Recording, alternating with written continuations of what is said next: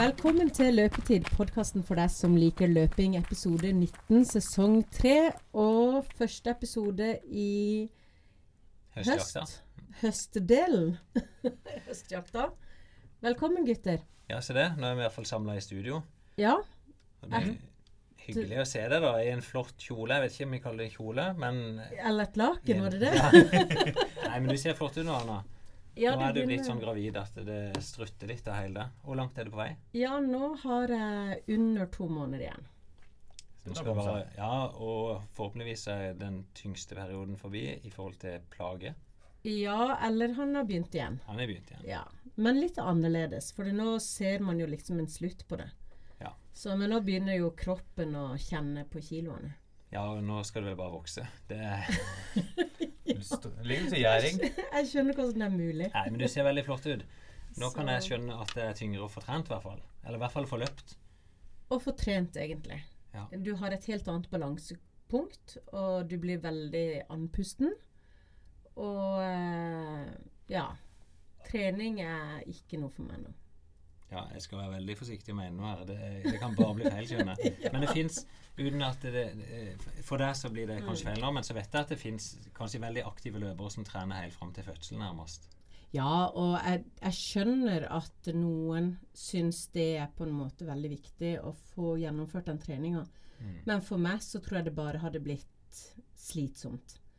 Og at eh, på en måte det bare hadde blitt å slite liksom på den energien jeg trenger til å bare komme på jobb og Mm. gjøre de Gå opp trappa. Gå opp Ja, trappa, men, det er men, det trening. vil si, ja, men ja, du trener ingenting sånn aktivt som trening akkurat nå? Nei, ikke noe som jeg vil kalle trening. Men jeg går jo på yoga. Ja. Men jeg kaller ikke yoga trening. Men kanskje jeg trykker på noen sarte tær der ute. Jeg, ikke se på meg. Jeg kaller heller ikke trening, jeg kaller det yoga. Ja. Og jeg gjør det jo Det er sikkert noen yogaformer som er veldig harde og sånn, men jeg gjør det jo ikke for det heller. Jeg gjør det jo for fleksibilitet og uttøying og den type ting. Og det er viktig. Så. Det har vi lært. Ja, jeg tror for en fødsel så er det et poeng. For all del. Det, det er litt andre ting. Jeg traff faktisk eh, det er Ove Talsnes, som er landslagslege. Mm. Eh, og, og jeg, det var nå på, eh, på NM når jeg var der sist helg. Spurte han bare om det var noen ulike løpeskader jeg snakka med han om, og da kom han plutselig inn på tøying. Og da, det dro han bare eh, liksom, opp av lomma og sa at ja, det var fortsatt ikke noe forskning som var entydig på at tøying hjelper mot noe som helst. Nei, men uh, jeg tenker jo det å få strekt ordentlig på kroppen når du får sånne vondt av å ligge på den ene sida vondt av å ligge på den andre sida. Sånn. Så kroppen er jo i en sånn unntakstilstand. Så akkurat nå så er det bare å vente til det store skal skje, da. Til store smeller. Det er bra. Men Tommy er bedre trent enn noensinne. Hei, Så hå. er i bo flott bukse og en si- supertrøye. Mhm. Jeg er glad ikke den er brukt. Men du har i hvert fall fått på deg et form for idrettsantrekk, det kan vi si. Nei, dette er faktisk ikke en supertrøye. Det er helt vanlig Er det? genser. Ja. Yes. Ja ja, nei, look alike. Men teamet er i hvert fall samla. Ja, og eh, det har jo vært en aktiv sommer eh, på Du har jo lagt ut noen episoder med ting som har skjedd i sommer med løping. Mm. Ja, og det siste litt på sparket der eh, Det dukka opp en mulighet for oss der eh, Sondre Nordstad Moen kontakta oss for å se om han kan klare VM-kravet, og kanskje òg ta en norsk rekord på 10 000 meter. Og da har han trålt terminlista, og så ser han at eh, det er veldig få løp som passer, eh, annet enn stadionmila, som vi arrangerer her i Kristiansand. Der Tommy er en av de som driver den nå. Mhm. Eh, og det var veldig lett å si ja. Mhm. Det var lett for deg å si ja.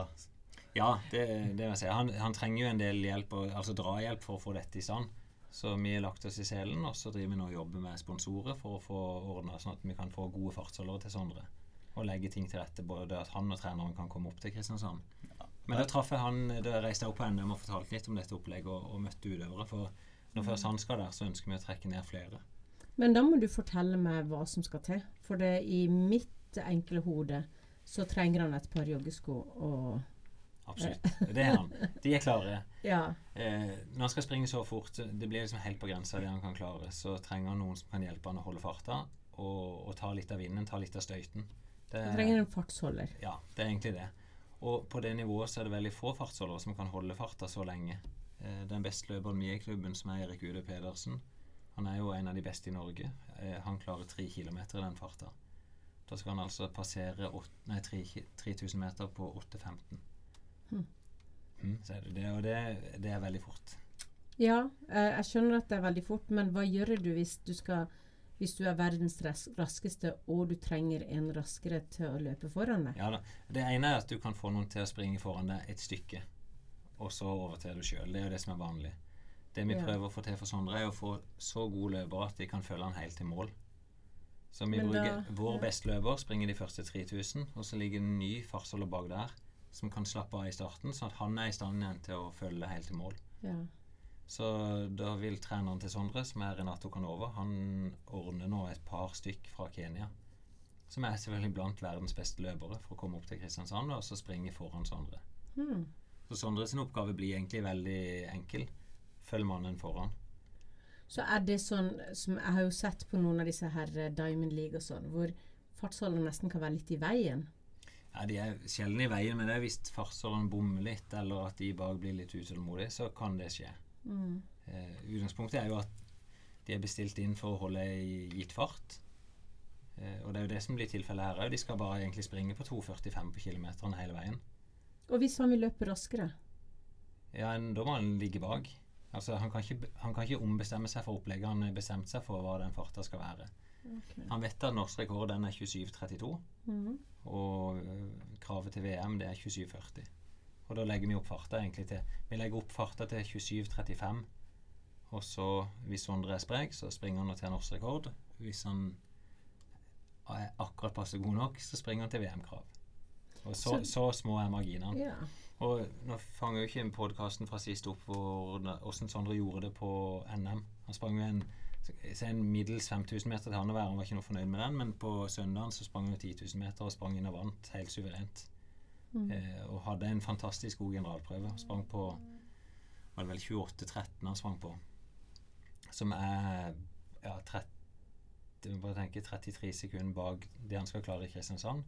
Men der hadde han ingen fartshjelp og måtte springe da i varme, litt vind, eh, og ta igjen løpere runde etter runde. Men det du forteller meg nå, det er jo at eh, bak disse løperne så er det jo utrolig mye sånn strategi og sånn. Jeg har alltid trodd at det gjelder bare å løpe så fort du kan. Ja, det gjør jo det. Men da er det akkurat de her marginene for å bikke ned da, de siste sekundene, så hjelper det å ha noen som kan hjelpe deg med det. Det er jo litt sånn som hvis du husker tilbake med og Eivind sprang med deg på bongaløpet.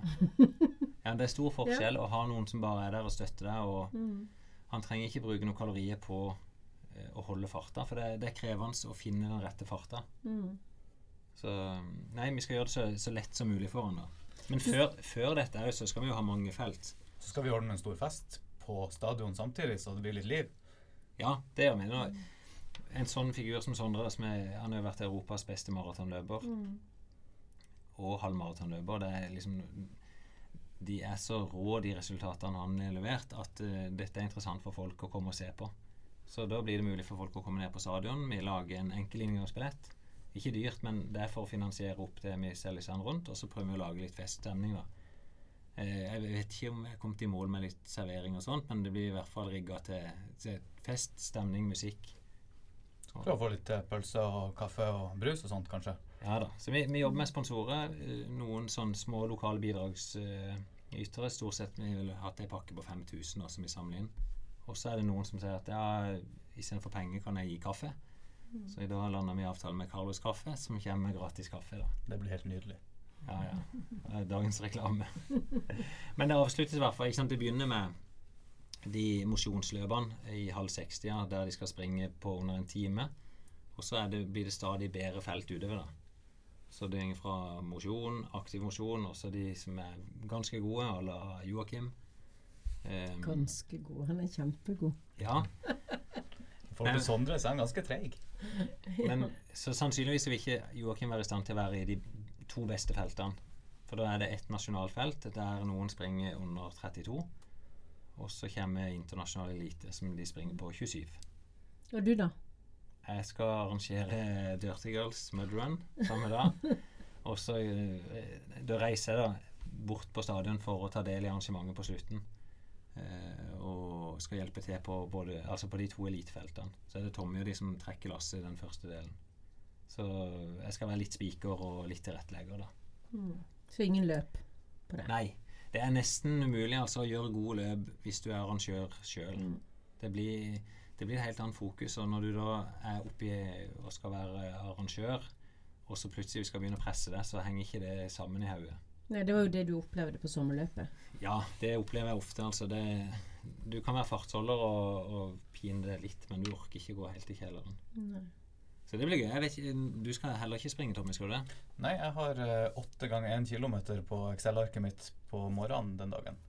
Så det tror jeg tar det som økta mi den dagen. Og så skal jeg konsentrere meg om å avvikle arrangementet heller. Ja da. Det, du blir arrangør, så det er bra. Mm. Ja. Men det er i hvert fall derfor vi fikk en hyggelig prat med Sondre, og vi kommer sikkert til å høre mer fra han når han kommer til Kristiansand. mm. Må få litt mer tid med han da. Prate litt. Ja, og det som er litt gøy, er at eh, treneren til Sondre det er en av de mest respekterte trenerne internasjonalt. Det er Renato Canova fra Italia. Sondre ga han jo en ganske sånn fyldig presentasjon sist. Ehm, han kommer sammen med Sondre og skal gi et foredrag òg her, som vi legger opp til at eh, ja, 60-100 stykker kan komme og høre et foredrag med han. Mm. Så det blir veldig Det er noe jeg gleder meg til av mange. Mm. Og jeg, jeg begynner å få en del henvendelser. Faktisk i dag lander vi en spiker, en som heter Rolf Gunnar Gitlestad, som er statistiker. Vi kaller nerdestatistiker. Som, de han driver nå og lager stati- friidrettsstatistikk tilbake på 30-tallet og på 20-tallet. Eh, ja, og han, han sa det, han introduserte sjøl, at vi, han gleder seg til å komme på stadion. Og han stilte igjen opp i boksen og kunne ta rundetider og referere til gamle prestasjoner til Sondre hvis vi ønska det. Og sånn eh, rent sånn teknisk og sånn, hvordan ligger stadion i Kristiansand an til sånn type arrangement? Ja, det, det er jo ganske enkelt, for banen ligger jo der. Den er kontrollmålt, 400 meter blank. Mhm. Eh, og ti tagerutstyr fins på stadion. Så vi rigger egentlig bare opp med banedommere. Og, så det som koster for oss, det er jo den riggen rundt fartsholdere og sørge for at alt er godkjent. da Organisatorisk. De rette dommerne må være godkjent. Eh, sånn at når han klarer det kravet, så kan vi heve grønt flagg og si at alt dette var i henhold til friidrettsreglementet. Så det er viktig. Mhm. Eh, På mosjonsløpene fram til halv åtte-åtte-tida på kvelden, så da gjør vi det litt enklere. Da er det du springer med brikke i startnummeret, og så får du Det er bestilt en skjerm, var det 70 tommer skjerm, som viser når folk passerer, hvor mange runder det er igjen, og hva rundetida var på forrige runde. Ja, vet du, det så jeg på TV. Et sånt, et, jeg vet ikke om det var Diamond League eller hva det var. En som bomma. Ja, ja. Som trodde at han hadde løpt i mål. Det skjer. Og så mangla han én runde. Han lå kjempelangt foran. Så ble han løpt forbi. Han henta han til slutt. ja, det er jo tragisk, og det, det skal jo ikke skje. Det er jo Av og til så kan noe Det er jo ofte manuell rundeanvisning, at folk sender meg en sånn tavle og viser mange som er igjen. Det kan skje feil. Det kan være fordi at de begynner å ta igjen løper med en runde, og så skal du egentlig anvise på bestløperen, men noen glemmer seg bort. Og så holder de litt for lenge, og så kan bestløperen få feil anvisning. Og det andre er i kampen hete at uh, den som leder, får noen feil forestillinger, da. Og starter bare uh, starter løpet. Ble litt distrahert av Tommy. Han er litt mer opptatt av mobilen, ser jeg. Det ringte, så jeg måtte slå den av. Ja. Ja, Nei, jeg har bare hørt at det er som bjelle som ringer til siste runde. Og det skal han jo gjøre. Og ja. nå så ikke jeg Jeg så bare spurten når han eh, Bjella ringte når han eh, gikk over streken. Ja. Jeg har sett mange, mange tilfeller av det der. Og jeg har jo sett det motsatte tilfellet, at folk springer til mål, og så tror de at de er i runde én. Og så Ja, men det kan jo være positivt. Ja, de får ikke spurten sin, da. Å ja. Det, Ok. Så det er ikke alltid de blir sånn kjempehappy for det. Så det er bra. Men det var i hvert fall litt om Sondre, litt om stadionmila. Um, og en veldig hyggelig tur på NM, da. Jeg har fått bekrefta fra flere av Norges beste løpere at de kommer til å ta turen til Kristiansand. Så bra. Ja. Mm. Så ja, alle som hører på det, bare å komme ned. Ja, det begynner, begynner å gå litt påmeldinger nå, så det er bare å booke seg inn med en gang. vi har vel snakka litt om at vi overfører det på live på Facebook òg. Det får Det se kommer, eh, kommer nok en videofeed også. Ja. Så bra. Og så Jeg klager jo ofte på at jeg hører stemmen min er litt skurren.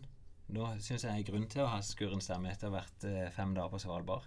Ja, for det skulle du plutselig. Jeg trodde at du tulla første gang du sa at du skulle sove i noe telt og isbjørner og et eller annet. Så tenkte jeg at det bare var spøk. Men du dro til Svalbard. Ja, eh, egentlig planlagt et år. Men det var jo ikke en ekspedisjon. Det var en gruppe mennesker fra Kristiansand som reiste ned med eh, to guider der oppe i Longyearbyen. Og så etter ei natt der, da, oppe i de Hva kaller de det? Nybyen, er det ikke det? Eh, så var det ut i båt eh, og se på litt av dyrelivet, og så ble vi sluppet i land på ei strand eh, innerst i Billefjorden, eh, oppe under en isbre, og der lå vi i tre døgn. Og gikk på bre og gikk på noen toppturer. Og, og sånn sett bare sove under åpen himmel, da. Eh, med isbjørnvakt på nettene. Så det er fascinerende. Det er fortsatt midnattssol der oppe, eh, men det betyr ikke at det er varmt. Så det er jo ned mot null eh, på nettene, men sola er jo fortsatt til stede. Eh, det går og fryser litt hele tida. Og så tyner seg jo litt på søvnen, og så er det jo noen hyggelige kvelder òg. Så selv om vi sitter rundt bålet på kvelden, så har vi jo med oss litt vin og gode historier rundt bålet. Men bade i sjøen og Bade i sjøen når du sier at det er null grader på land? Ja, men det er litt av det å, ha det gøy sammen. Det er typisk sånne dagsturer da på seks, åtte, ni timer. Der vi er ute på en eller annen marsj på en topp, og så kommer du tilbake igjen. Og Da er det greit å bare Det er jo ikke noe dusj der oppe. Å nei. Nei. så det var rene hygieniske grunner. Ja, så Det er jo litt artig. Du, eh, de guidene laver rundt med våpen. Du vet at du hele tida kan møte isbjørn. Du er jo på territoriet til Jeg vet ikke hvor mange isbjørn det er. Du fortalte det i stad, Tommy, men Jeg hørte det skulle være 7000 på eh, Svalbard. ja. ja. Og det er litt sånn usikkert, for dette grenser jo opp mot Nordpolen. Som på vinterstid så krysser de opp mot Nordpolen inn mot eh, Russland. Og inn mot Grønland, Canada. Mm. Eh, så ja, nå på sommeren så er det jo litt færre av de. De, de trekker jo vekk fra varmen. Ja, ja, ja. Men vi så selvfølgelig isbjørn selvfølgelig, vi så isbjørn der oppe. Oi. Det Eh, er ikke alle som får sett. Nei. nei, det er nok ikke det. Det var jo litt sånn skremmeskudd før vi reiste opp. Så så, så jeg i nyhetene at det var ei fransk gruppe som hadde blitt eh, evakuert. Som bare lå i en fjord på sida der vi skulle inn. Ja. Eh, og det var sannsynligvis den samme bjørnen vi traff på vei inn fjorden. da En 3-4-5 km fra der vi lå. Der gikk den og subba. Mm. Og så vet du da at eh, i løpet av 30 minutter så kunne han vært borte hos oss. ja. Og det, du vet jo ikke hvor, hva han holder på med. Nei. De svømmer jo, og de labber. Mm. Men det gikk greit, jeg sender jo her. Men, Ja. med, med litt skuren stemme. Men eh, før jeg reiste, så utfordra jeg jo litt på å dokumentere ei økt fra ferien. Mm. Eh, og da kan vi jo dra inn Skal vi høre på din økt? Ja, vi kan det. For da tok Det var før vi reiste ut. Eh, så tok jeg en tur opp på hva den heter, Sukkertoppen, er det ikke det? Som er det fjellet som ligger helt inne i Longyearbyen. På nesten fire meters høyde. Så vi finner å høre når jeg puster og peser litt oppover der. Ja. Ja, jeg hørte ikke en annen pusten mann mens han labber opp på Sukkertoppen i Svalbard. Longyearbyen Svalbard. Klokka er litt over åtte på morgenen. Vi skal være her oppe i fem dager. Kom opp i går, og så skal vi ut i telt nå i tre døgn. En gruppe på tolv stykk. Og så bruker jeg bare første morgenen før vi reiser ut til å besøke en topp. Ligger kryss inne i Longyearbyen. Som på et vis er hovedstaden, i hvert fall den norske hovedstaden på Svalbard. Og der er det en topp på jeg tror det var 390 meter ca. Og veldig bratt. Tenkte jeg kunne springe opp, men det tenker jeg ikke nå lenger. Eh, kan vel sammenlignes med terrenget Skåla opp på slutten. Nesten så jeg kan gå og ta nedi med hendene. Så det er mer enn tungt nok bare å gå som jevn gang opp.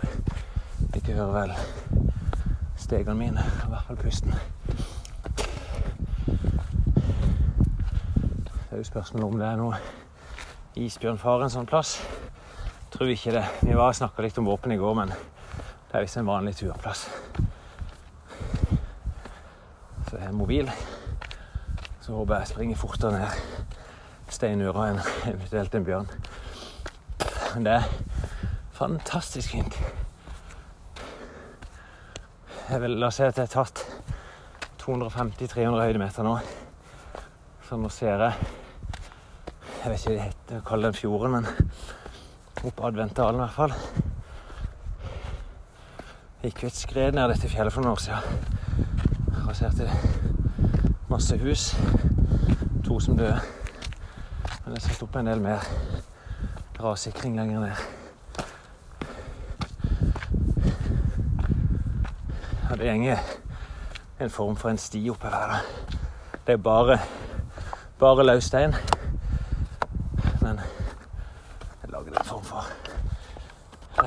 Fall. Oi, nå er det ba bare løs stein. Det blir tøffere. Alt er løst. Men vi lukter toppen. Ta noen bilder og så ned igjen. Jeg tror ikke det blir så gale turen, altså. Kanskje en halvtime opp. 20 minutter ned, og så bor vi to kilometer opp i dalen her. Ja, det er svære løse stein. Men det er trening, dette òg. Derfor bare gi en hilsen og en idé hvordan en kan komme seg ut på en enkel treningsøkt selv på tur. Det er nok ikke så veldig mange andre i reisefølget som er med joggesko. Selv om en trenger ikke joggesko på her, egentlig. Nå er det ordentlig bratt.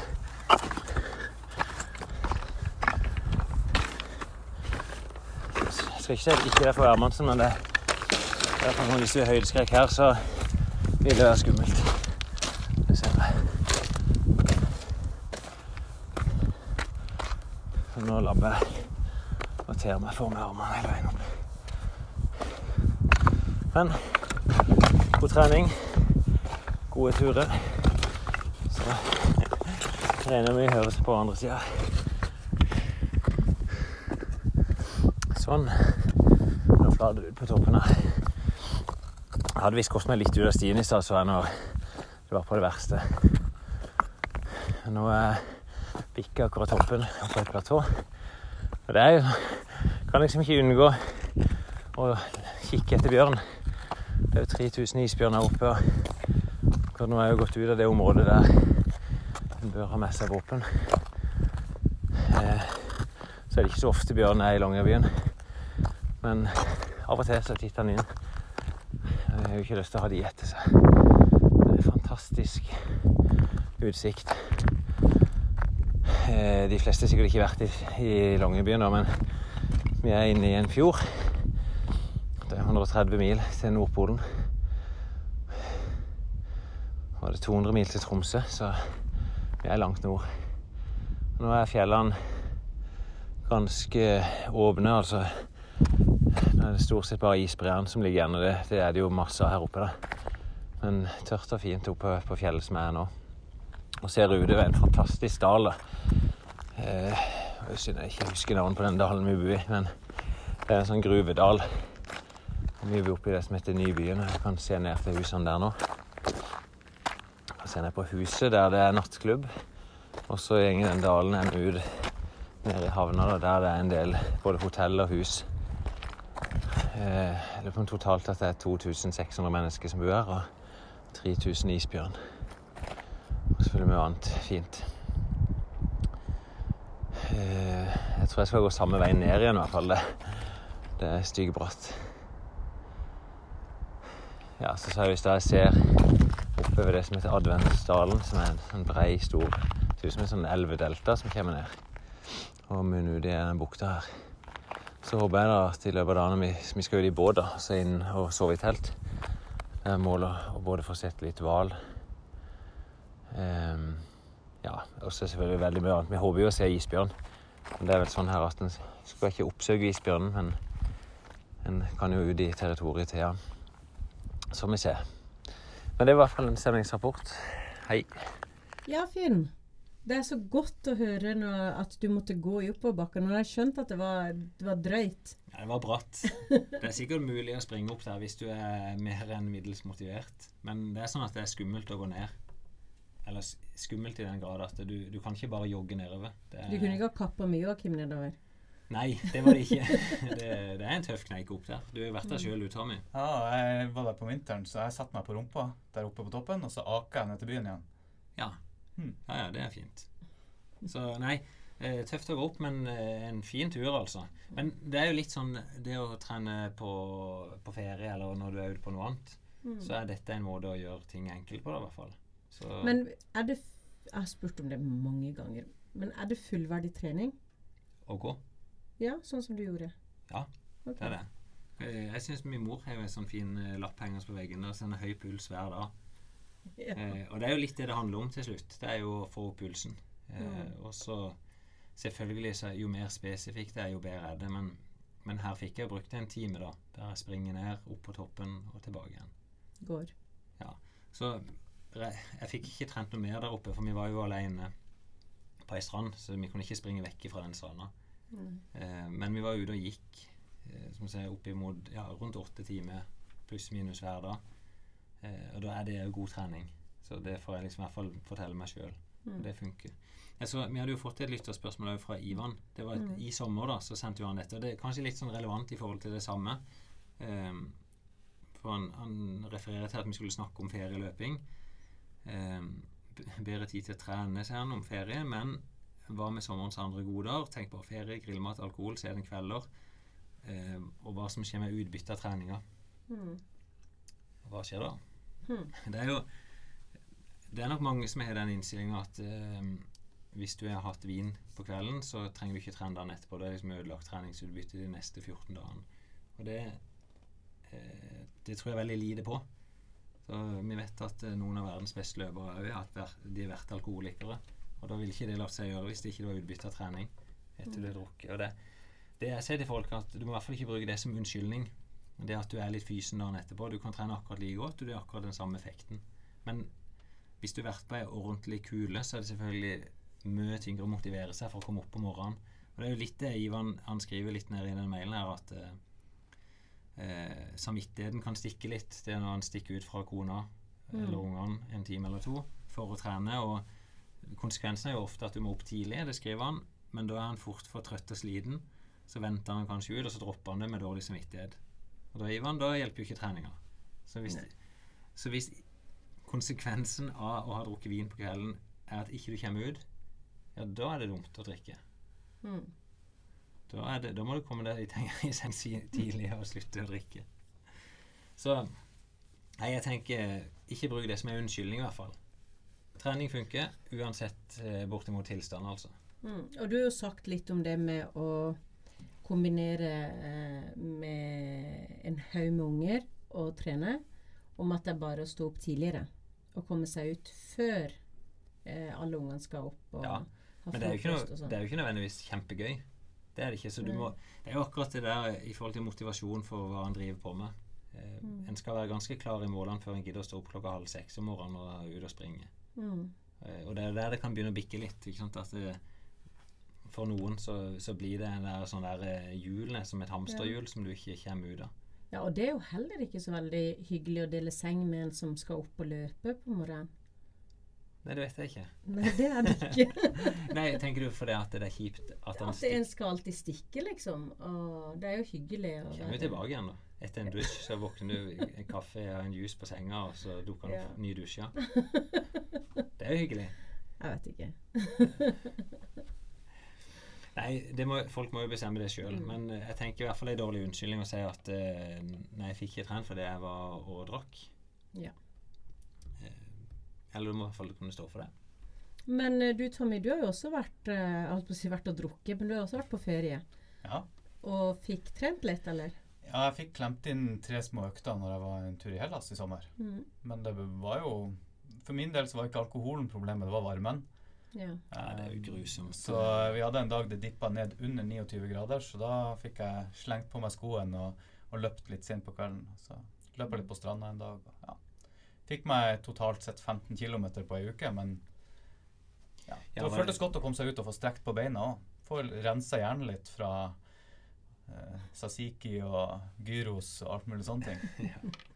Det er jo en god følelse å komme seg ut på ferie. Helt klart. Eh, og vi snakka vel, sånn jeg husker i hvert fall, at eh, samme dealen som jeg og Joakim hadde, at eh, vi gjennomførte noen treningsøkter, og så bare ha et mål. Hva er en treningsøkt? Mm. Eh, vi definerte det som 30 minutter løping. Ja, jeg prøvde meg på det, og jeg klarte, jeg klarte det. 30 Ja. minutter løping, men jeg klarte det bare annenhver dag. Ja. ja men det, og det er bra. Det, er jo ikke sånn, det merka du når du kom tilbake, at formen er ikke stupt. Nei, det var bare rett tilbake der jeg var. Liksom. Jeg har vedlikeholdt i ei uke. Så det er fint. Ja. Så det funker, det. Men eh, det vi så nok på formen din, at eh, du hadde jo en test og sprang en 10 km. Det var vel rett etter ferien? Ja. at eh, ting ikke var så på trekk som det var tidligere. Der den liksom framgangen hadde bremsa litt. Ja, Joakim ble ganske bekymra etter den ti uh, kilometeren der. Ja. Jeg, jeg uttrykte til han uten at jeg snakka med deg om det, litt bekymring for om jeg trodde du hadde hatt den framgangen. For det var noen på trening som snakka om at uh, nå er Tommy begynt å bryte økter og gjennomfører ikke full, full mengde. Mengden var kanskje litt lav. Mm. Eh, og så får du bekrefta det på det viset. Du er jo framgang fra i vinter. Du sprang vel 10 km nå på 46, var det? Ja. Så jeg har flytta meg to minutter. Ja, i vinter sprang du 47 20, var det? 47-40, tror jeg. Ja. Men riktignok på kalde forhold. Mm. Um, så da var det På klubben er jo livsfarlig. De kommer og sladrer. ja, ja. Vi passer på hverandre. Nei, men det som er bra, da, er jo altså med å få en sånn ærlig test, er jo at uh, kan si nei, du er faktisk ikke på trekk til å klare det målet du er satt. Og målet er jo frivillig. Mm. Men han vil under 1,40. Og da var jeg var til stede når Joakim rista ganske godt igjen og satte krav om at nå, nå må mengden opp. Nå er det seks uker med ja, var det vel 60-80 km han har sagt. Han har sagt minimum 70 per uke. Ja. Og så ja. Og det er ganske mye mer enn det du har trent før. Så liksom nå er det alvor. Ja, nu, jeg måtte jo løfte meg fra å så vidt passere 50 km i uka til å alltid være over 70. Ja. Um, det, det merka jeg jo i hvert fall de første par ukene. så merka jeg det. Vi har jo et uh, godt opptak fra Tommy. Han har jo gjort leksa si. Ja, det er det som har skjedd nå. At mm. eh, der Tommy har strekt den opp, så strekker jo Tommy seg enda videre. Mm. Så etter kanskje et par mislykka forsøk først, så, så, begynte du nå på ei økt du skulle på torsdag. Mm. Ut og springe tre ganger fem kilometer. 50 km, som er ei veldig voksen økt. Men klart når du skal ut og springe halvmaraton, nå er det snaue to måneder. Du sa 56 dager. Jeg tror det er cirka den, ja. Da springer du en halvmaraton i Oslo på 1,39. Eh, da må du begynne å gjøre de tøffe øktene. Det gjorde Tommy på torsdag, så vi kan godt gå inn og høre den økta. Mm. Jepp, jepp. Da sitter jeg hjemme og gjør meg klar til eh, ei hardøkt. Det er torsdag. Og Jeg har fått beskjed om å kjøre tre ganger fem kilometer i konkurransefart. Som i mitt tilfelle skal være sånn 4,50 til 4,48 per kilometer. Um, Akkurat nå så er det litt dørstokkmil. Men uh, i løpet av et kvarter så burde jeg vel ha fått på meg sko og tights og alt man skal ha. Og så setter jeg nok kursen ut for å jogge ned til Kristiansand stadion, hvor jeg har tenkt å gjøre den økta på utsida av stadion der. Jeg tror det blir um, sånn ca. fire runder rundt på utsida i den løypa som jeg hadde vinterkarusellen på helt i starten av sesongen nå.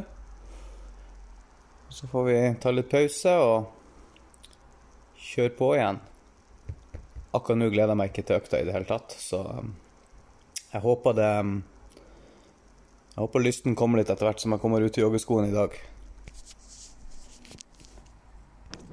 Ja, ja. Det går framover. Har akkurat Passert en god kilometer. Prøver å holde farta nede. Noe som jeg har fått beskjed om av både Finn og Joakim. Ikke så lett av og til når du har nedoverbakke og har lyst til å dra på. Men uh, man prøver. Man blir bedre. Møter en, en kompis i løpeklubben så um, skal han være med på økta. Det er litt deilig, for da slipper jeg ikke å dra av gårde helt alene på det her. Det blir nok tungt nok på slutten, uansett om vi er én, to eller fem. Men uh, alt hjelper. Jepp, jepp. Da har vi kommet ned til stadion, og så uh, møtt kompis her. Så da er vi egentlig klare for å gå i gang så var jo planen da å løpe tre ganger 5000 meter. Det tror jeg vi skal klare. Spørsmålet er bare om vi klarer å fullføre det i den farta vi tenkte. Så um, jeg tror ikke det er noe annet å gjøre enn å bare gå i gang. Hva tenker du?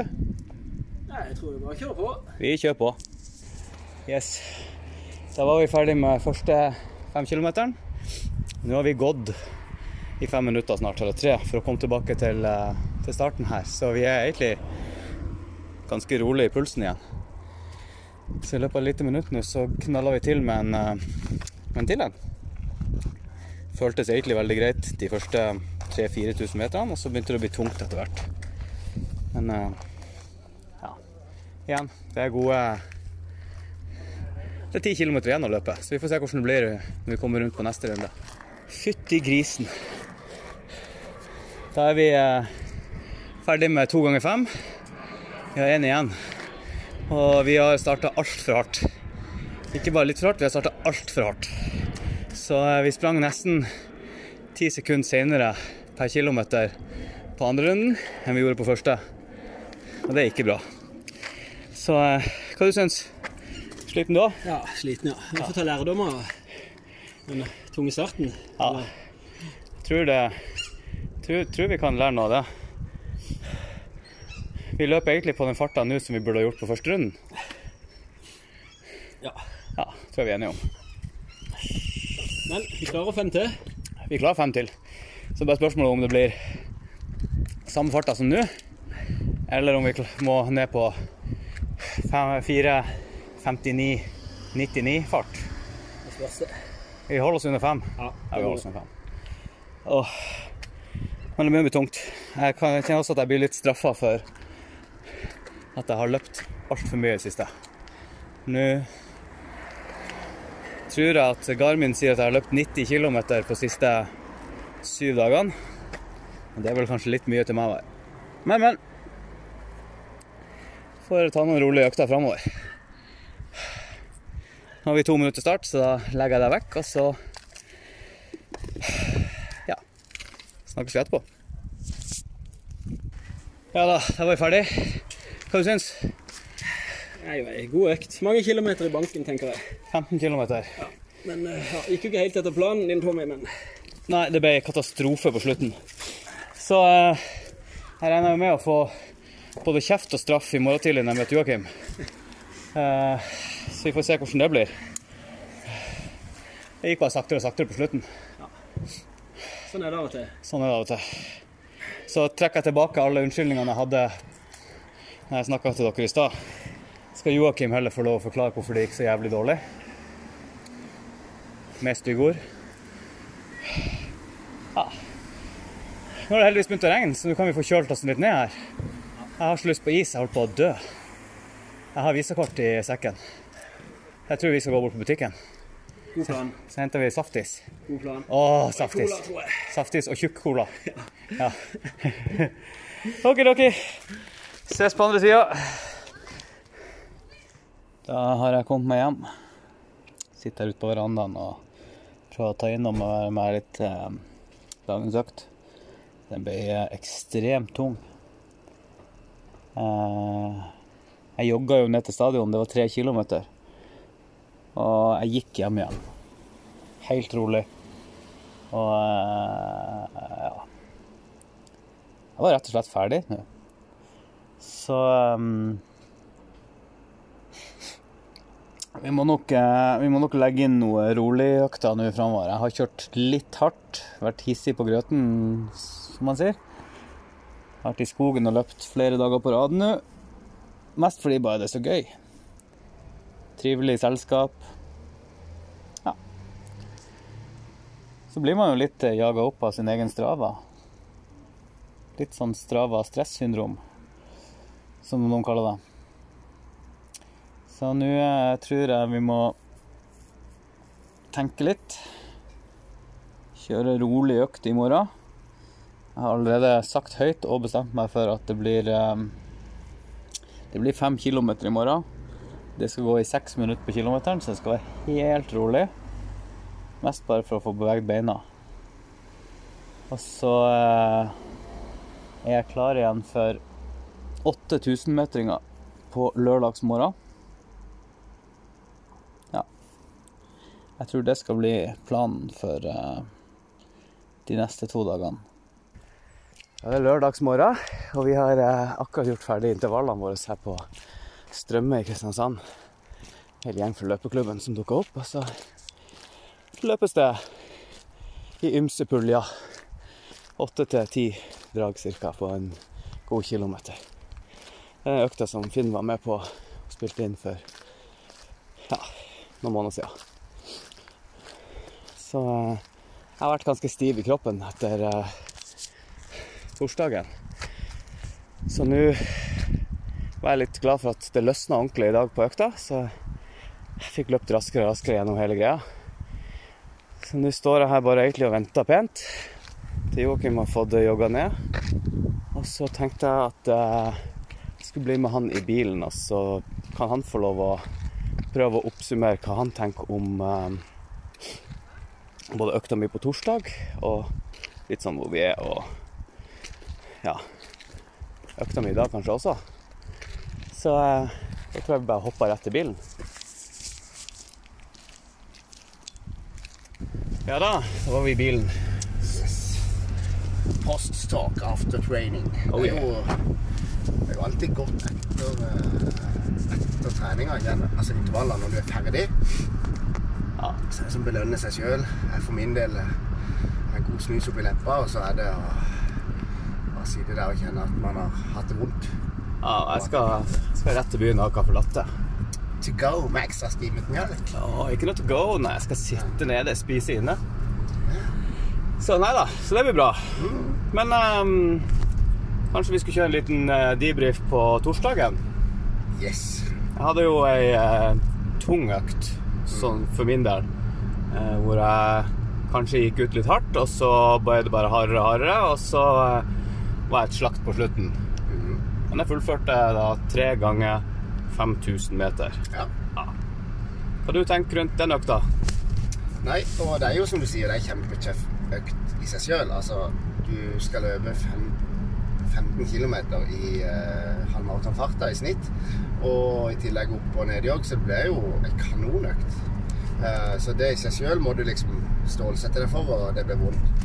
Og så er det jo som eh, vi har sagt mange ganger, og som hun aldri kan få sagt nok, at på de øktene der spesielt, altså generelt på intervalløkter, så er det best å løpe progressivt. Altså første draget er det sakteste, og at det siste er det raskeste. Det er en sånn grei regel at du jobber deg inn i økta, og, og, og ikke blir stiv i starten. Ja, Det klarte vi ikke å gjøre på torsdag. Nei. Eh, når du kjører 5000 meter, så er jo det i seg sjøl eh, brutalt å begynne det første draget for hardt. Jeg sa til deg at du skulle ha det første på 4,50 og nå, og så det andre liksom ned mot 4,48, og det siste var det liksom at du stabiliserte deg på det, da. Eh, og så kjørte du første draget på 4,46, var det det? Ja. Og da er du litt kokt. Da har du allerede løpt raskere. Så du er, du er nesten på 10 km farta di på en femmer, ikke sant? Mm. Og så skal du til å kjøre to drag til, ikke sant? Eh, både mentalt og muskulært så er jo det tøft. Så du gjorde liksom litt, dessverre, da eh, Du, eh, du var ikke lydig, Nei. og du fikk da måtte smertelig betale for det, da. Det positive da er jo at du fikk uansett veldig mye god trening. Eh, Du får en opptur i dag. Du trodde det skulle bli et helvete, og så viser det seg at du faktisk har ganske greit når du begynte. I dag var du flink og kjørte progressivt, ikke sant? Ja, ja. Da ble du fortere og fortere. Du begynte på 4,58 fart, og så avslutta du på 4,30. ja. Så det er jo tegn på at du faktisk begynner å bli såpass godt trent at du, du henter deg inn igjen etter økta på torsdag og klare å fullføre det på en fin måte uten å gå i kjelleren. For det skulle du ikke da. Nei, det skulle ikke i kjelleren. Og der var jeg ikke heller, så det var veldig fint å, å kjenne på at det, det gikk an å gjøre. Ja. Og så fikk jeg knekt litt der, for jeg hadde egentlig sagt til meg sjøl på forhånd at jeg hadde løpt så mye før denne økta de siste par ukene at Mm. jeg egentlig ikke skulle nesten klare å løpe. Ikke sant? Men når jeg på fjerde kilometeren begynner å, å øke farta, så går det lett. Ja. Det er litt rart. Det er litt samme for meg, da. Jeg har jo økt mengda dramatisk. Det har du også. Du har jo gått fra 50 km i uka til Så sa jeg nå, skal du, nå må du ta alvor av planene, Tommy. Du må opp i mengde, for det, det ser ikke ut som du er helt i rute til å klare 1,40. Så sa jeg minimum 70 km i uka. Ganske sånn stygg lærer å si det. Mm. Eh, og tre intervalløkter hvor den ene skal være sånn som på torsdag med tre ganger 5000. Eh, at vi har ei spesifikk halvmaratonøkt i uka. Og så ender det opp, når du først øker mengda, så spretter det opp i Oi! 80-90. Fordi at når du gjør de kvalitetsøktene du trener hver dag, så blir det veldig mye. Så du har jo mye trening i kroppen også nå. Eh, For min del er det det samme. Jeg har gått fra 70 i første uka til 100 til 120 til 140 forrige uke. Og du blir det ser ut som det er 140 km denne uka òg. Og i dag når jeg kom, jeg var på fest i natt og var ordentlig eh, Jeg husker vel snaut at jeg verken eller sto opp. Og da er det tøft å gå på intervallet klokka ti. Men eh, den første økta Vi snakka om på oppvarminga at jeg, jeg følte ikke jeg orka løpe på sida deg engang på oppvarminga. Mm. Ja, da gikk det i seks blankfart. Ikke sant? Og så tenker jeg bare jeg må bare jogge, da, så jeg deg, for muskulaturen er så Den er så studd. Og så første draget så ble det sånn Da ligger jeg litt bak i feltet, og så plutselig er jeg i fremre feltet. I fjerde draget, da, så var jeg aleine i front, da. Eller selvfølgelig bare Christian, men Ja, det teller ikke. det teller ikke. Nei. Han teller ikke. Nei. Men det viser bare at selv på tunge dager nå Og det er tegn på at når du trener mye, så føles det gjerne veldig tungt i starten. Men så løsner det utover økta. Så det, det er sånn sett et godt tegn. da. At kondisjonen er der, men eh, en må liksom bare jobbe seg i gang. da. Så Tommy, nå er vi eh, Det var jo bra at du fikk den oppløftinga i dag. Mm.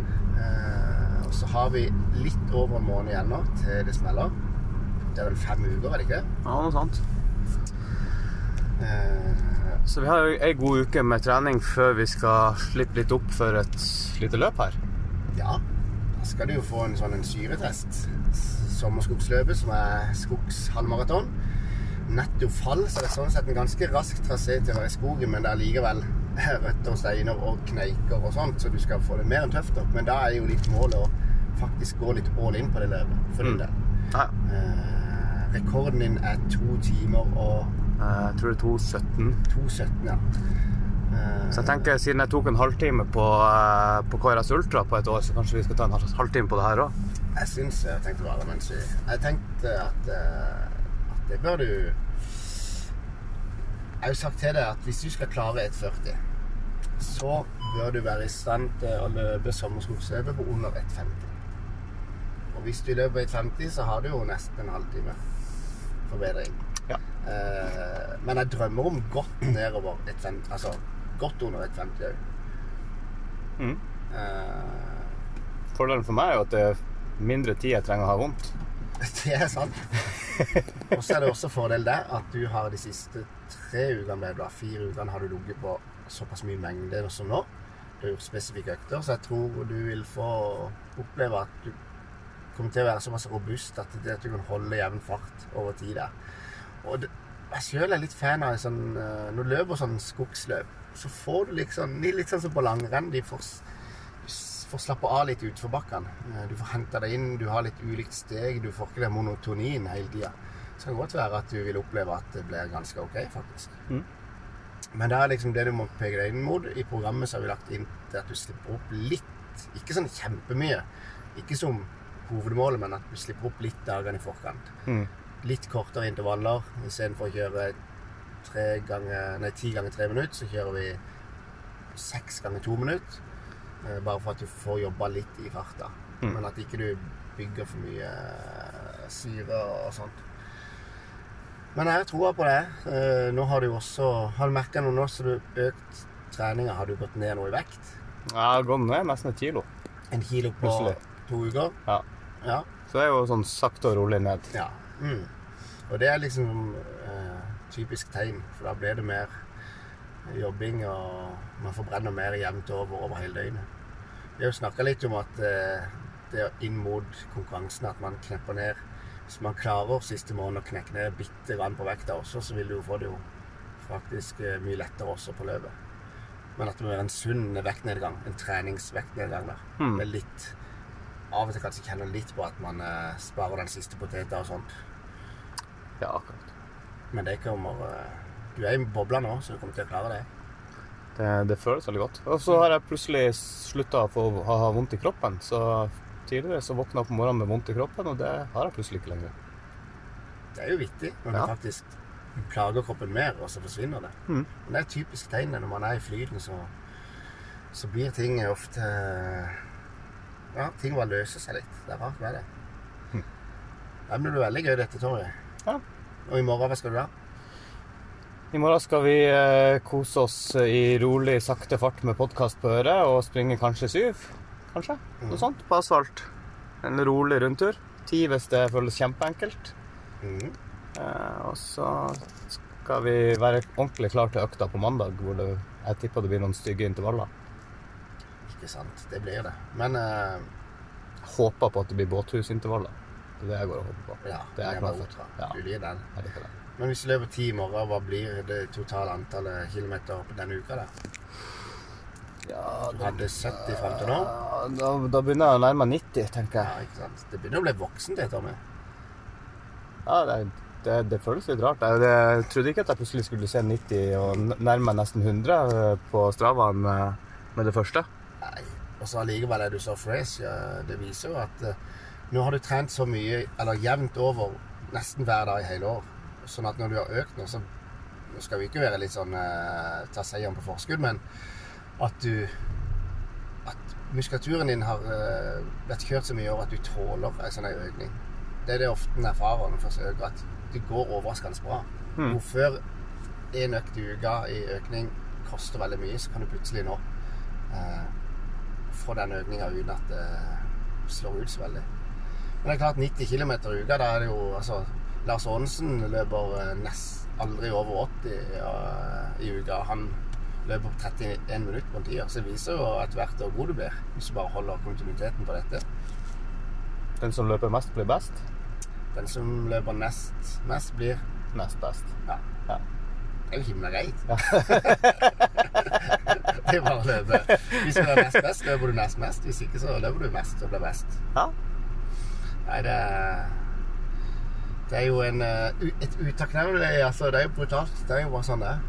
Det var veldig spennende med det opptaket, Tommy, om at du var ganske demotivert på begynnelsen, og veldig motivert på slutten Mhm. av opptaket. Ja.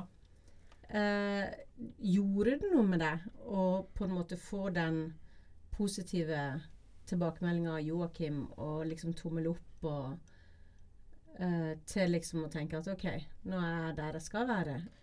Ja, både og. Men altså, uh, når vi trener kroppen, så bryter vi jo ned, og så bygges det opp. Mm. Uh, og den økta her føltes litt sånn for hjernen min, fordi jeg var helt nedbrutt mentalt etter økta, og egentlig dagen etterpå også.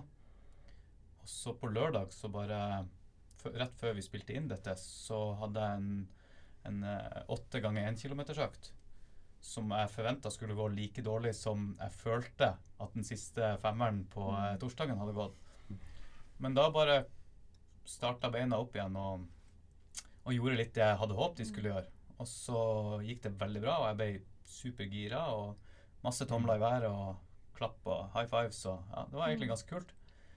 Og da var det en fin, eh, fin følelse der. ja, det var en fin prat å ha med Joakim etterpå også. Så Ja. det var veldig bra. Ja, det er jo læring, dette her. Og noen økter er bare blytunge. og det, Nå fikk du erfare det på torsdag, men det er så digg når de her gode bekreftelsene begynner å komme. Det, er det jeg ser, de som legger ned mye trening, så du vil få de løftene der. Mm. Uh, og det, nå blir det gøy å følge deg i Oslo. Ja, Nå får du en ny tester. Det, det er vel halvannen uke til cirka, så er det Sommerskogsløpet. Mm. Eh, vi har hatt en reportasje der fra før, der vi spilte inn sånn etter jobb opp og springe løp rett fra jobb. Ja, det var litt sesong én, hvor du skulle vise hvor lett det var å komme seg på løp. Kan du vise det samme, Tommy? Det kan jo være egentlig veldig fint å dokumentere noe av det. Men da, um, du har løpt her før. Du må bare tenke Er det to, to timer og et kvarter cirka du brukte sist? 2,18 tror jeg det var. 2,18. Og da fikk jeg en seriøs knekk på 14 km. Så eh, det blir spennende å se nå hvor, hvor lenge kroppen holder i, i, i enda høyere fart. Og så ja, gå mot mål. Vi snakka vel om dette, hva målet ditt var der nå. Under 1,50.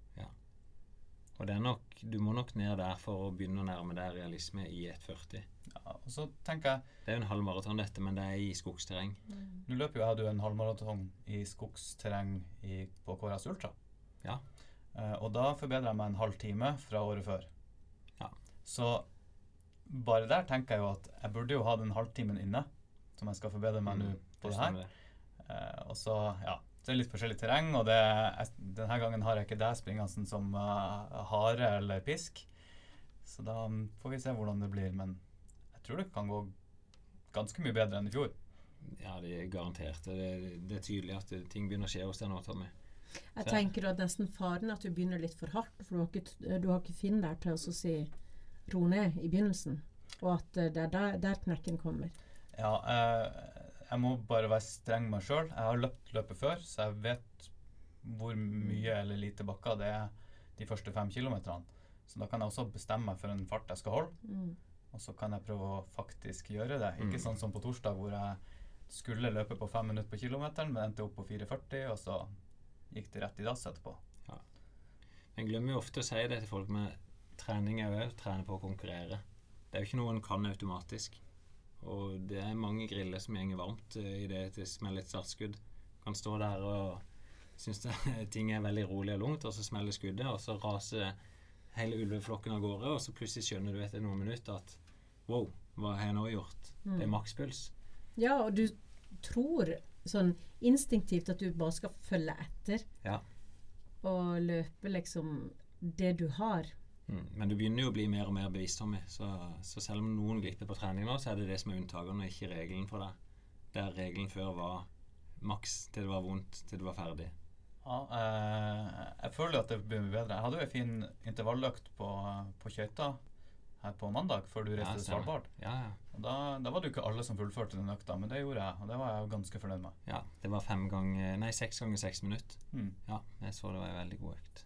Men eh, Finn, Ja. du har hatt litt sånn Du har snakka litt om Dubai, et eller annet maraton, eh, komme i gang, løpe litt her og der. Men eh, hvor er du hen? Um, jeg er fortsatt på vei. Nei, jeg, jeg har hatt noen uker som har vært veldig gode nå, Mm. så ble litt brutt av den Svalbardturen. Men målet er jo å springe 10 km i Oslo. Eh, Mhm. Første mål er bare å springe på Det er 33,59. Det er første mål. Og så er planen å reise til Sverige og springe Lidingloppet. Lidingøloppet. Mm. Og så er jeg ikke helt bestemt. Vi snakka jo med Joakim om å springe i Dubai, men eh, han dro jo litt på det på den langturen eh, vi Mhm. sprang på sist, så jeg må ta en, eh, en strafferunde på det. Men målet er å springe et maraton da tidlig neste år. Han har rymta på at han skal løpe halvmaraton i Oslo. Ja, Han har vel sagt at hvis ikke han er i stand til å sette pers på 10 km, så går han heller opp og prøver å sette pers på halvmaraton. Og det er rett og slett fordi den persen er mye dårligere enn 10 km-persen. Ja, for det, det, skurrer veldig i mine ører. Det at eh, hvis ikke du perser på ti, så kan du perse på halvmaraton. Ja, men det er persen hans er bedre på 10 enn halv. Eh, Han er vel bare 1,14 på, på halv. Ja. Men det der galskapet han holdt på med, med rundt og rundt på sånn eh, bane og split shorts og alt det der, har han helt gitt seg med det? Å ja, jeg måtte bare tenke. Eh, Det er ikke så galskap, det. Så Jeg begynte å lure på om du snakker om det her eh, Det å springe på- en asfaltplass, parkeringsplass i oh, ja. Nei, For, men for det er jo et eget opplegg der de springer i, i en måneds tid rundt rundt på en parkeringsplass. Det er galskap. ja. Nei, ehm, han har jo Det er jo en sånn drøm for Joakim om å springe på 31,59, som er kravet til Mm. norsk mesterskap. Eh, men han har ikke vært der ennå, men begynner å løfte seg. Jeg snakker med han i dag morges. Nå er han i Oslo i dag. Eh, og da gjennomførte han si andre uke nå med 140 km, så han har virkelig tatt rev i seilene og jobba Mm. Ja. hardt. Nei, galskapen var jo det at han drev og kjørte rundt og leita etter løp. Ja, Fordi det, han ikke Det- klarte det. det var jo disse 800 meterne, selvfølgelig. Ja, jeg skjønner du mener nå. Nei, han er ikke der nå. Eh, Men han, han er jo skjønt at han må trene for å bli god, og nå gjør han det. Mm. Og da venter han vel på han er i god nok form til at han kan springe på 31. Mm. Så det blir spennende. Men nå Og- er vi jo Ja. Og du, da? Du, skulle, jo- du var trent i yoga, var du ikke det? Jo, jeg skulle, jeg skulle ta med meg opptaken på en yogatime.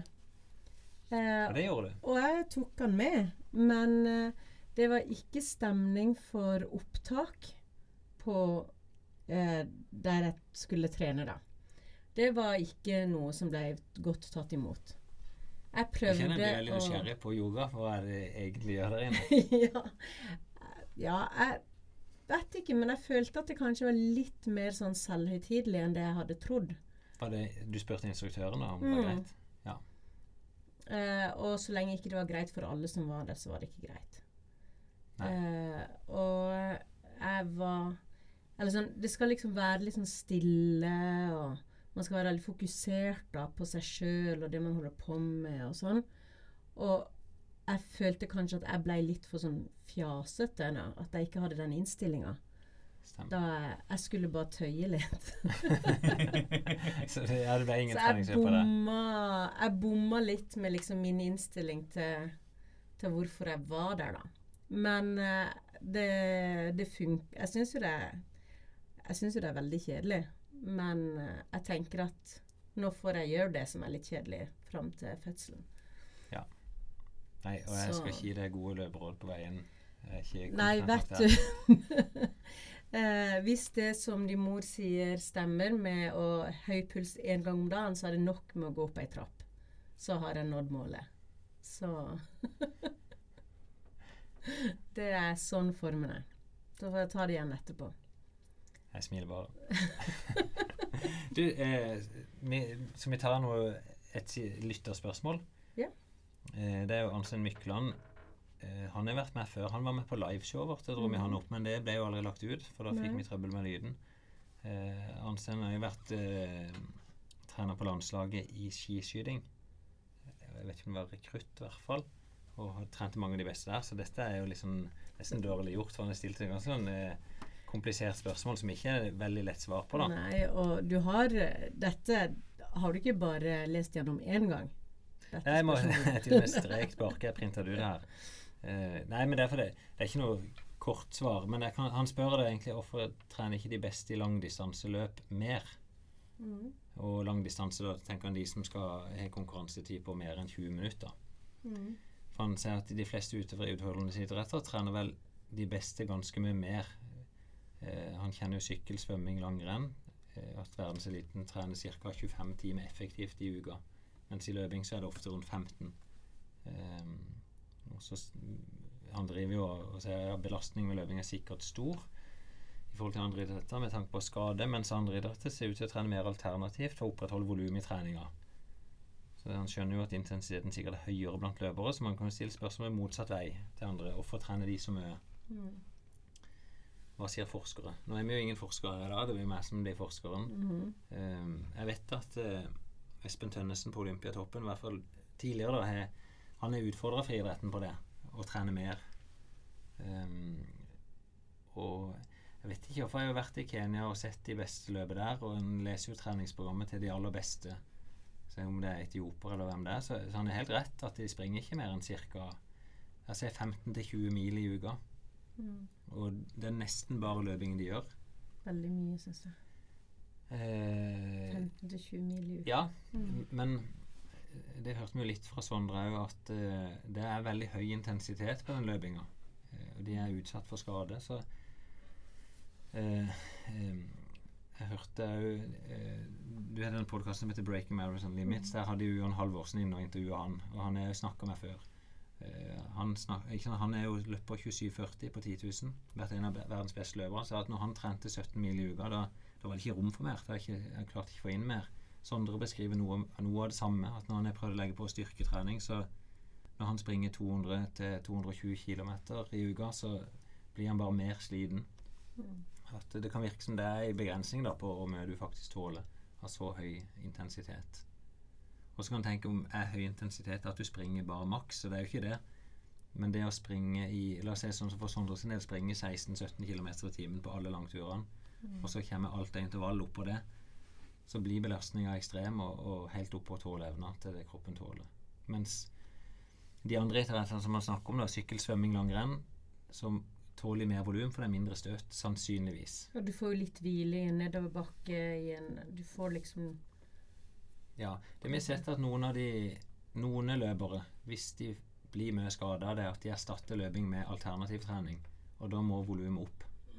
Så det tar mer tid da å trene det alternativet enn det som hovedaktiviteten er. mm. Så jeg vet ikke om det var svaret hans. Vi får sette oss ned og snakke om dette ved en kaffe Mm. eller noe annet. Eller her i podkasten. Ja, ja, sånn sett. Han kan godt komme inn Hansen, og fortelle litt om hvordan han har sett de beste trent. Han har jo vært lærer han oppe i eh, Er det i Strin... Nei, oppe i Trondheim, da. Der han, han var òg idrettslærer når Sondre Nordstad Moen gikk der, og de Tønseth og de. Så han kjenner jo det, den delen av miljøet òg. Han spør òg nummer to. Eh, trener løper teknikk i rolig fart? Eh, det spørsmålet har jeg aldri hørt før. Liksom, for det har jeg aldri tenkt på om løpere trener teknikk i rolig fart. For da skriver han i f.eks. svømming og ski øver mange inn bevegelsesbanen til konkurransefarten i en stor del av treninga. Altså, sånn jeg tolker da, at de øver det inn i rolige bevegelser. Det vil si noe roligere frekvens i teknikktrening med lavere fart. I løping snakkes det ofte om lik frekvens uansett fart. Hilsen Anstein. Hm. Hmm.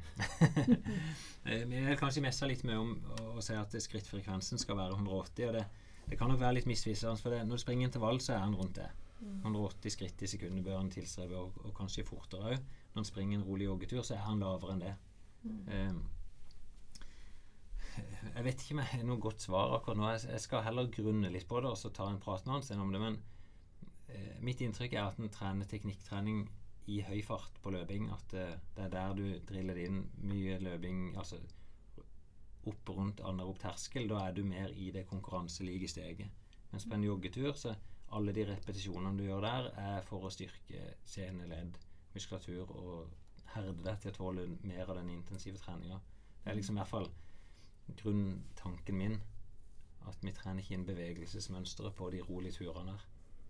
Men du, du, har jo sagt av og til sånn eh, Husk å tenke på det. Husk å tenke på det. Få kneet litt opp. Få eh, eh, retta litt opp i ryggen. Mm. Eh, mindre steg. Jeg bruker ofte det på de intensive øktene, altså på intervalløkter Mm. eller mer eh, intensive. Så prøver jeg jo sjøl å, å, å være bevisst på det. Når en springer roligere, så er ikke det så lett. Eh, for det blir et litt annerledes bevegelsesmønster. Mm. Eh, og det har vært mange debatter i, iblant oss løpere om en bør springe fortere på de rolige turene nettopp for å, å ha rett teknikk. Eh, uten at Jeg vet ikke om det fins noen konklusjon på det. Nei. Så annet vet at for det en ser da at alle de beste løperne internasjonalt De må springe en gitt mengde i uka for at de skal bli gode. Men noen av de springer veldig sakte på, på langturen sin, og noen springer fortere. Ehm, jeg vet ikke om Sondre sa vel ikke noe om det i podkasten nå, men uh, hans erfaring var at jo, jo bedre han er blitt, jo fortere må han springe på de rolige turene for at de i det hele tatt skal gi han noe effekt. Han, han føler han får verken opp pulsen eller får noe effekt av å springe en tur med 90 i puls, som Mm. han har kanskje når han springer 4,30 på kilometeren. Det må være veldig deilig. Jeg tenker litt på Jeg vet ikke om du har fått med deg det med ho Johaug, som gjorde det så utrolig bra med løping. Absolutt. Ja, Ja, ja. og hun snakka jo litt om det, at hadde hun hatt mer teknikk, så hadde det nok gått fortere. Uh, og Ja, og da er det jo med utgangspunkt at du blir bedre på det du trener på. mm, Uh, hun springer jo ikke sånn estetisk fint. Eh, ikke, normalt så vil du jo måle de og se hvor mye oksygen bruker når hun springer i forhold til den farta hun springer på, om dette er effektivt eller ikke. Uh, hun er nok et av de høyeste oksygenopptakerne i verden blant damene. Eh, det vi har sett, er jo ekstremt god i motbakkeløp. Uh, og selvfølgelig ekstremt god på ski, som krever et høyt oksygenopptak. Så det er ikke noe overraskende at hun springer fort, men uh, for meg var det overraskende at hun sprang så fort. For det, det var helt sykt imponerende. Eh, Jeg er ikke enig med Kaggestad, som, som på vis slakter det beste resultatet noensinne på en 10 000 meter i et NM. Det er jo Ja, veldig for det lurte jeg litt på. Ja, det skjønner ikke jeg hvorfor han bruker tida si på å kritisere noen som springer såpass bra. Mm. Og i tillegg som er en langrennsutøver, da.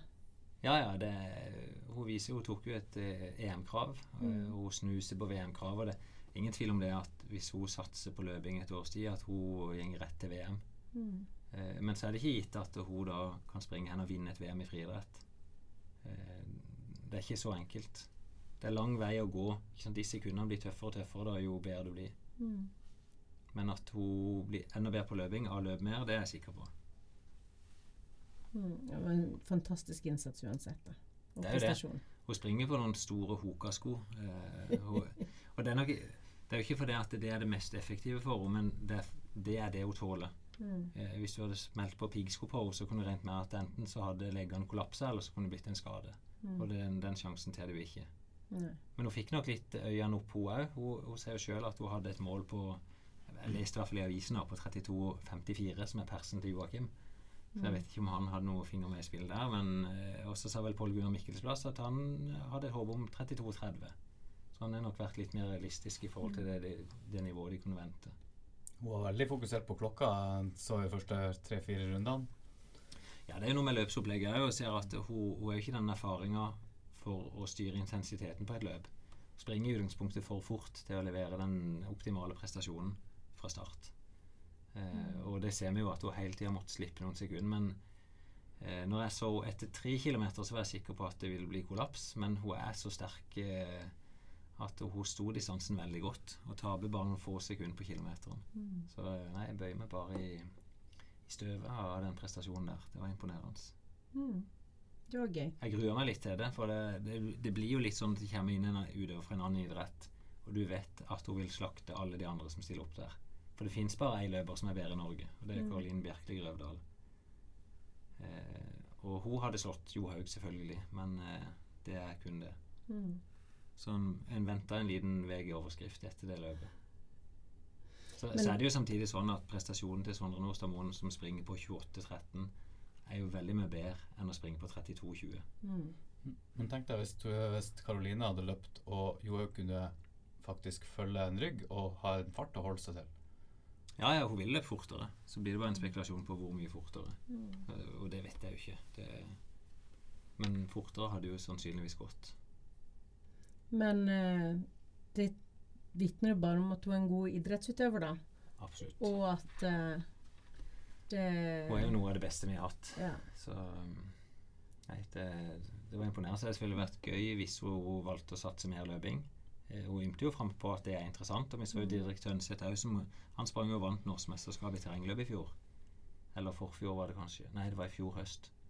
Eh, at de er godt trent, i langrennsløperne. Og det har de jo alltid vært. Eh, Vi kan gå tilbake til Oddvar Brå, Pål Gunnar Mikkelsplass, Oddbjørn Hjelmeset, eh, Anders Aukland. Alle de har vært helt topp nasjonalt i friidretten. Men det er ikke så lett å se at hadde de bare satsa løping, så hadde de blitt internasjonale løpere. For det er et langt stykke vei opp der. Mm. Men det er jo godt, vi har jo noen gode løpere også i Norge nå. Mange gode. Det er, friidretten Ja. er jo i en voldsom medvindsbølge, så det er bra. Mm. Og så er jo samtidig så ser du jo at eh, det er langt fra toppene og ned til de nest beste. Så Karoline er veldig ensom på toppen i kvinneklassen der. Eh, bak Ingebrigtsen så er det jo tynt på 1500 meter. Eh, bak Sondre så ja, Det begynner å komme noen der òg, men det, det er et godt sprang. ikke sant? Sondre tar igjen alle på 10 000 meter med én runde. Eh, og så er det jo sånn i et NM da at eh, alle øvelsene arrangeres i løpet av tre dager. Sånn at de beste er jo stort sett der for å vise seg litt fram. Springer ofte bare én distanse. Så Karoline valgte å springe 3000 meter hinder. Men hun kunne vunnet alle distansene hvis hvis hun ville. Men da blir ofte nivået, da. Da er det de nest beste som kanskje vinner de andre distansene. Mm. Men det er veldig gøy, da. Å Det er følge. Ja, ja, det håper jeg folk syns. Jeg syns i hvert fall det. Mye eh, fin idrett å se. Ja. Mm. Begynte å skurre litt i headsetet, så det er på tide å gi seg, er det ikke det? Ja. Men vi har jo en fin høst i møte, da, med mye løp Du- og Jeg gleder meg veldig. Tommy gleder seg kanskje enda mer og skal ut og proklamere at han er klart 1.39,59. Ja. Jeg Det gleder meg til å den dagen. Så de som vil være med Tommy og se på han de, Først må de springe stadionmila. Der er det bare å komme. Der skal han heie på de, og så får de ikke følge Tommy i Oslo. Det hadde vært Mm. gøy. Men vi høres jo før det. Vi, definitivt. Hei. Hei hå.